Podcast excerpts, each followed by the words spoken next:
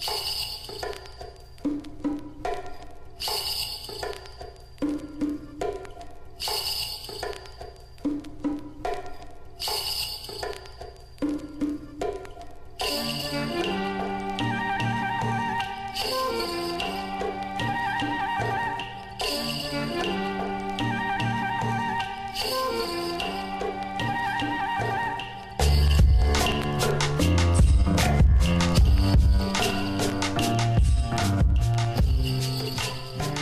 Peking er áhugaverður áfokastæður fyrir hvern þann sem ætla sér að ferðast til Kína.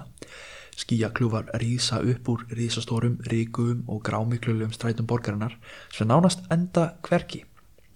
Ringveginir sjö sem að umkringja borgina fær hárfólks til að grána því maður festist annarkvort í umferðateppu eða endar á sama stað og maður hóf ferðala sitt. Fólk fyllir almenningssangur í kringum háanatímana og er eins og borgin sé endalus það er maður það markmið að ganga staðuna á milli í stað þess að nýta sér þér Þráttur þetta er Peking áfangastæður fyrir marga metnaðafulla einstakleika sem ætla sér langt í bæði námi og vinnu. Fólki sem á finna í borginni er því flest allt aðflutt og oftar en ekki mjög erfitt að rekast á einstakling sem þar er fættur og uppalinn. Menning borgarinnar er fjölbreytt í eðlisínu og á hverjum degi er hægt að finna sér eitthvað og gera við sitt hæfi Eftir langa vinnudag vilja margir halda heimaleið í þeirri mannmerð sem finna má bæði á ringvegunum og í rísastóru neðanjara lestakerfi borgarinnar. Sumir halda samt áfram og nýta daginn eftir langa vinnudag og hitta saman að kaffjúsum eða knæpum borgarinnar til þess að njóta þess besta sem að borgin hefur upp á bjóða sem er jú pungið. Ég heiti Daniel Bergman og þú ert að hlusta á laðvarpið í Östur vegi.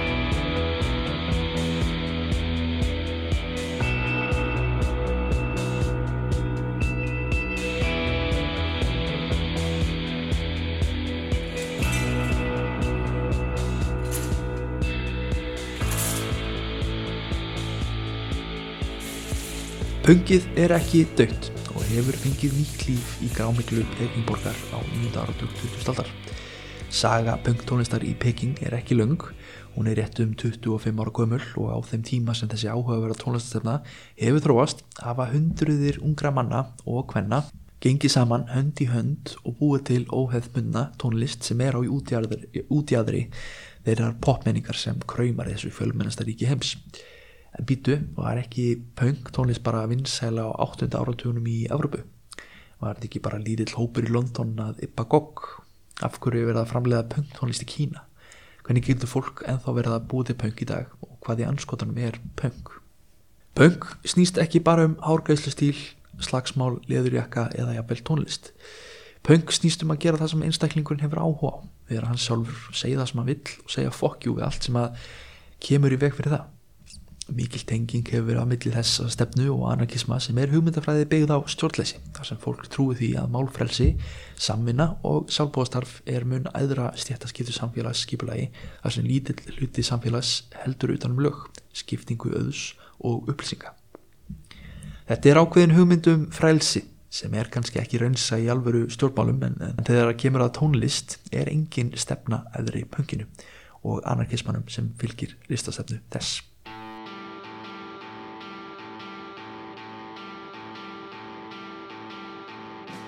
Þegar stjórnmálaöfl hafa tekið of fast grip utanum tömuna er of litið til frelsisins sem anarkismi færir og eru listgreinar yfirleitt notaðar af græsrót alþýðunar til þess að vekja aðtikli og áhuga fólks til byrtinga.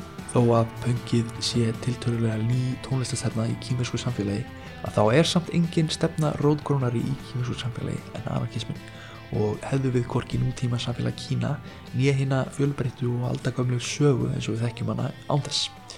Í raun er alþjóðlífið til Kína uh, með eina samkerninshæfa hagkerfi á jörni sem sprottið var upp frá anarkistar heimingu og sem nokkurnu einn bara virkar enn þann dag í dag. Stjórnmálafræðilegur anarkismi Kína eins og við skiljum hann í dag hóf gungu sína við byrjun 20. aldar þegar að reyfingar á borðið Sinhai reyfinguna reyndu að skipta út kýminska Tsing-kessarveldinu fyrir eitthvað nýtt stjórnmála afl. Þessi hugmyndafræði var vinsæl meðal fræðimanna og margar greinar voru byrtar um Wu Zhang Fu Zhui eða hugmyndafræðina um enga ríkistjórn. Þessar greinar reyfði við unga fólkinu á tí, þessum tíma og fóru nefndu til Japans til dæmis og Fraklands í vonum að læra betur um þess að fesku stjórnmála stefnu. Síðan snýru þeir heim og reyndu hann á betri skilninga á heimalandi sínu með það markmið að breyta til eins betra og í Kína held þetta fólk áfram að lesa blöð byrt af reyfingum í Fraklandi og Rúslandi sem hafi gríðala mikil áhrif á fólk þar í landi. Tsín-keisarveldið fjallóks árið 1912 af höndum Sinhæ-byltingamanna og anarkistarhefingar þess tíma þróuðust í skipulaðri reyfingar eh, en við þekkjum suma þeirra betur í dag sem kýmerski kommunistaflokkurinn og flokkur þjóðarnisinnaðara en þau eru ennþá virk stjórnmálaöfl í dag. Við sjáum anarkistarhefingar fækka á þeim tíma en það rýsa ekki upp að alvöru fyrir en á tímu menningabildingarinnar sem nokkur skona græsrótarhefing innan kommunistaflokksins. Kýmverskur anarkismi á sér samt uppbruna í fortsögu undir heitinu Daoismi. Konungur Pöngsins á þeim tíma hétt Láðs og er hann sagður hafa þróað þessa heimsbyggi í kningum 600 fyrir Krist og getur við lesið okkur til um hana í bókinni De Jing eða á íslensku Ferlið og Digðin. Kýmverski pöngarar vitna oft í þennan heimsbyggiskóla þegar ég hef spurt þá út í kýmverska pöngtónlist og því þessi aldagamla hugsun er litin sem hinn uppbrunalegi kýmverski anarkismi. Lázi og síðan Zhuangzi sem var annar mikilvægur hugsuður undir sama heimsbyggiskóla skrifiðu um að fólk ætti ekki að skipta sér að stjórnmálum að nokkru tegi. Í staðin ætti fólk bara að lifa lífinu sínu eins og það vildi, fylgja strönum þánga sem hann tekuð þig og Zhuangzi gerði til dæmis mikið grín af formföstum pælingum konfúsiusar um hefðir og, og strángar samfélagsreglur sem fylgja konfúsianískum sið. Kína á sér gríðarlega langa og flókna tónlistasögu sem tegir sér langt aftur í, til tíma konfúsiusar og lengra. Meistarinn sjálfur pældi til dæmis mikið í því hvað væri hægt að kalla tónlist við hæfi og hvernig tónlist væri ekki viðeigandi fyrir siðferðslegan þroska sem hann hafði gríðarlega miklar ágjur af á þeim tíma. Enda var hann uppi á tíma kentur við stríð og styrjaldir í menningasögu Kína.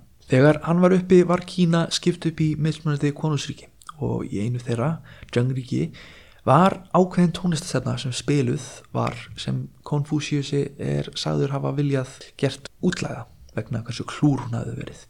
Þetta var poptónlistastíma og var greinlega litið hann á hortnjóa meðal konfúsinískra fræðmanna. Þetta þýðir að langt aftur í fornöld við dæmi um pöngara sem að vildu gera það sem þeir síndist og var alveg sama hvað fínu silki klættu kallanir í hyrðinni fannst. Íðar í kringum 300 eftir Krist var þessi heimsvíkiskóli að stjórnmála afli þegar að káðiska Veijin tímabilið hóst eftir fall hanti keisarvelsins. Á þeim tíma eh, var ný dáismi á pallbors umræðu meðar fræðimanna til að mæta óbeldisfullri stjórn þess tíma og skipta henn út. Sá anarkismi var ekki jafn óbeldsfullur og byltingamenn tuttstaldar fylgdu en samt getur við fundið smjörþef þess á þeim tíma. Allar keisarættir hafa samt gengið í gegnum ringráð sem endar alltaf með óbeldisfullri byltingu og leituði þess rísu upp sem nýr keisari. Því er anarkismi í blóði allara kýmera hvort sem líka það eður eig og kýmerski pönkarar vita það.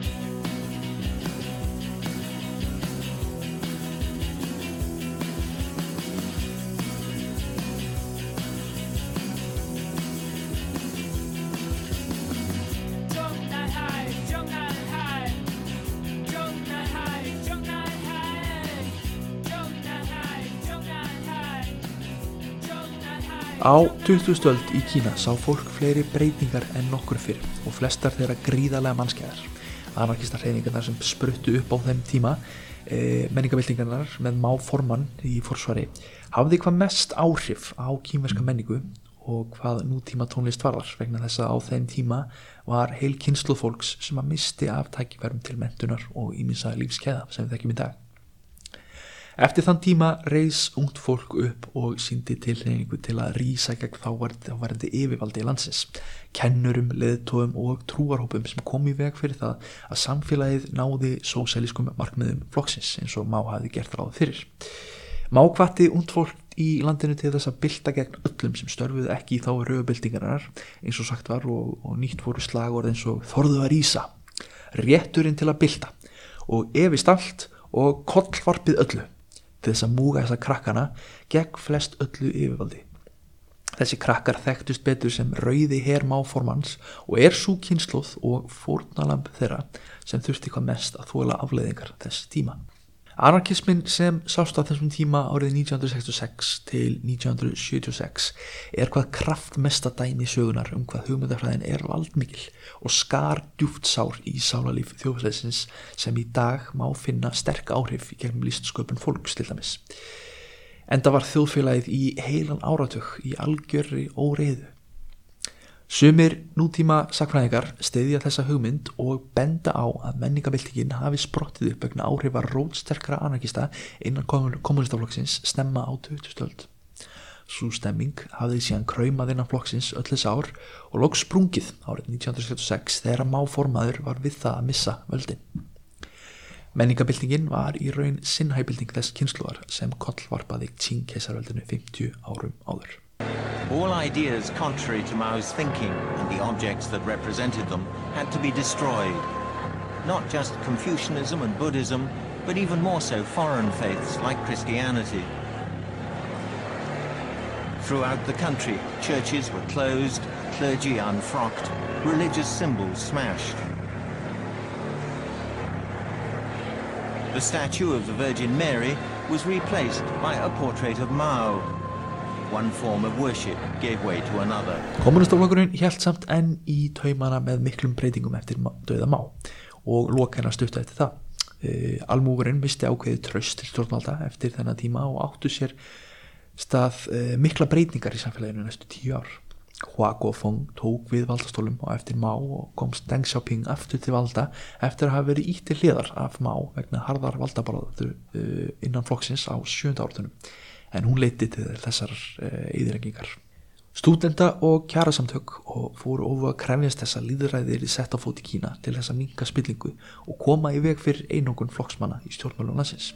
Mikið var um mótmæli meðan nefnda og ungra aðdjónlustar einstakleika um landið því greinilegt að þeim gekk illa að finna fótfestu í samfélaginu eins og því var stilt upp. Enn fleiri einstaklingar hófu að lýsa áhugjum sínum í gegnum smásugur, leikrit, ljóð, málverk, teiknumindir og pistum sinn í Kína rock tónlist.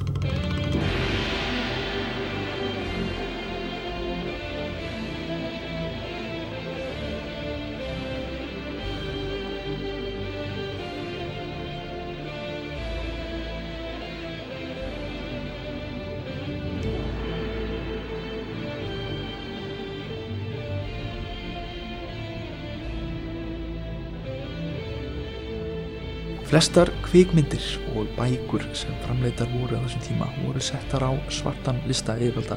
En það stoppaði ekki reyninguna og hafði fólk í raun meiri tjáningafrelsi en nokkuru sinni fyrr í sögu alþjóðlífelsins sem var stopnað þarna árið 1949. Eina tónlistin sem hljómaði í kjölfar stopnina alþjóðlífelsins var til að ebla rödd kommunistflokksins á gjörsanlega öllum sviðmenningar en á nýjunda áratunum fannst fólki að breytingar væru í þessi stað Ósáttir einstaklingar hófu að tjá sig ofinberlega um áhugjur sínar og fóru að gaggrina þáverandi ástandi í pólitíknansins og segja það að vera algjört kjáftæði. Almenningur fann fyrir spenningi og breytingum innan samfélagsins. Yfirvöld hófu að tala um nútímavæðingu og var ekki annað á þeirra vörum. Frægasta slagurð Deng Xiaoping, Gai Ge Kaifang, sem var slagurð til að lýsa þeim tíma sem Kína var að opnast aftur fyrir fjárfestingum erlendis frá var kastað fram og tilbaka og snerti sálarlíf alþýðunar djúft eftir nokkra erfiða áraþví. Einn stolt móður lýsir tveggja klukktíma langri daglegi rútinu sinni á hjóli til og frá vinnu í Peking á þessum tíma á þennan hátt.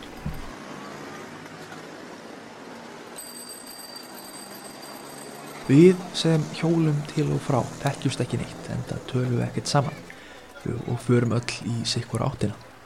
Við sem hjólum í vinnuna alla daga erum satt mjög svipið. Öll eru við vennulegt verkafólk og nefnendur sem fer til og frá vinnu.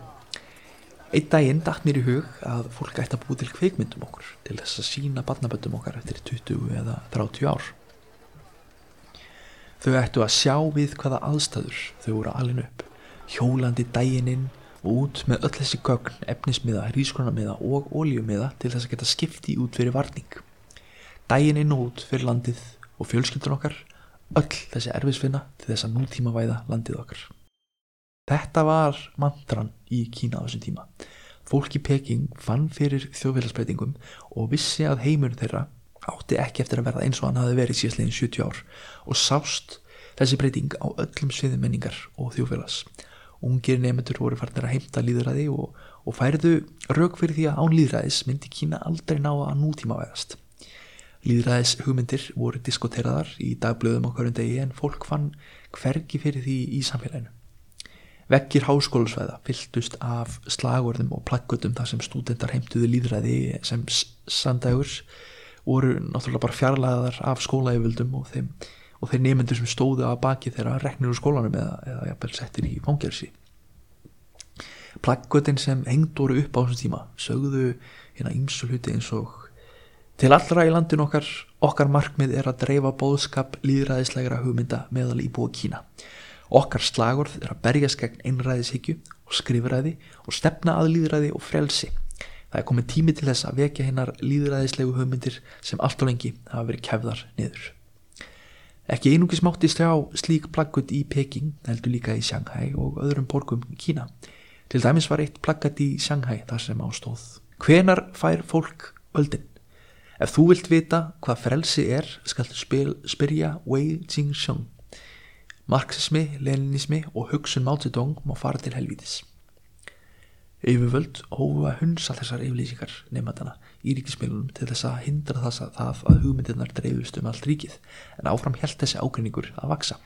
Þá höfðu nefndur verið í sambandi sín á milli með breyfasendingum á milli háskólasvæða og þannig held þessi reyfing að bólna og náði lóks hátindi árið 1989. Árið 1989 var mjög viðbörðaríkt ár. Sama ár voru 200 ár liðin frá frönsku byltingunni 40 ár ammali alþjóðlífildis Kína og 10 ára ammali e, ofinbæra diplomatiskra samskipta Kína og bandaríkina eftir stopnin alþjóðlífildsins árið 1949 ára þessu ári. Sama ára átti sér stað Tiananmen fjöldamorðið sem margir kannast við en vegna þess hver viðkvæmt það umræðu efni í Kína er get ég ekki fjallað nánar um það hér en það er til að ég eigi möguleika á að fá vegabrefs áriðinu aftur. En nóg er til að upplýsingum um þennan tiltekna tíma á netinu og hvetja allar sem áhuga að kynna sér það nánar. Einning mæli ég með kveikmyndinni Íhauðjön sem að finna má á YouTube en það er leikinn kveikmynd eftir Lóie frá árinu 2006 sem að fjallar einmitt um þennan tiltekna atbyrð en hún er ekki lögulega aðgengileg í Kína. Kína hjælt áfram að vera einræðisþyrki og öll svo spenna sem hafi myndast á nýjönda áratunum leiti ekki til nýtna mikilfengleira stjórnmálarheimbreytinga. Samt sem áður hætti fólk ekki að skapa list og þróa áfram hugmyndi sínar. Aragrúi er til af bókum, kvikmyndum, listaverkum og tónlist sem sprottið hefur upp þessum, frá þessari spennu og þar á meðal er tónlist tónlistamansins Cui Jian.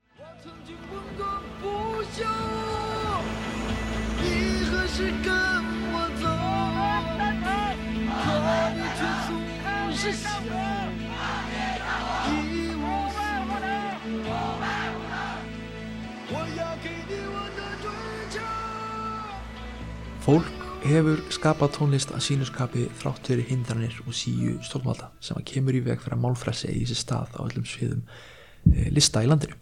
Óviðegandi tónlist sem gefinir út í dag má finna á streymisveitum í nokkra mínútur þar til þau eru fjarlægð með upplöfum eftirlitsfórutum tónlistaveitina ef þau innihalda e, viðkvæma frasa til dæmis.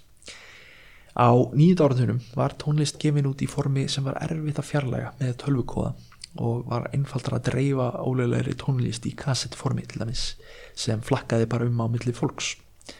Neðanjarðar tónlistastefnan ógs því sem aldrei fyrr og leitaði fólk til hennar til þess að fá útrás fyrir spennunni sem hafði kræmað allan ártögin. Poppið að vestan var samt vinsalt í Kína og, og var fluttinn tónlist í tónavís yfir til Kína eftir að landið opnaði markaðinsinn fyrir umheimurum. Tónlist sem heyrðist hafði á vesturlöndum þróast í nokkar áratögi áður hann kom til Kína allt á einum bretti og fekk kýmest tónlistafólk margar ára reynslu rockmenningar í einum rikk Ímyndum okkur ungt fólk í dag á Íslandi að vera uppgötu 30 ára vinnu af Metallica, Nirvana, Coldplay, Lady Gaga og öllu þessu sulli í einum rikk Við hefðum ekki þá ríku og geysi vinsalli tónlistamenningu sem við höfum í dag ef við hefðum verið í sömu spórum Svona hefur stemmingin við lok nýjunda og uppaf tíunda áratinsins fram til dagsins í dag verið og hefur hún ekkert nema aukist með tímanum. Svo er þetta, ég teng hendur pengið þetta svo, hendur gítur ég þetta hún, svo ísú er fyrir jós zangzir. Þessu og ég, ég í bænum þessu þetta hún hjáði, og svo ísú er jós zangzir zöðrenn, en sem meður zangzir múdi.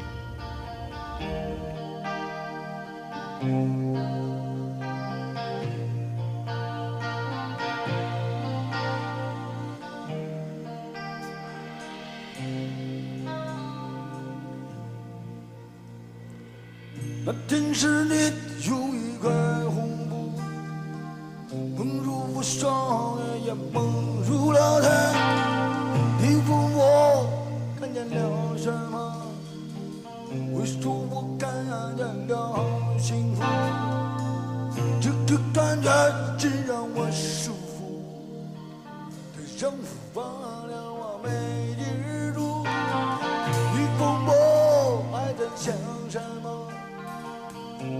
江上你的路。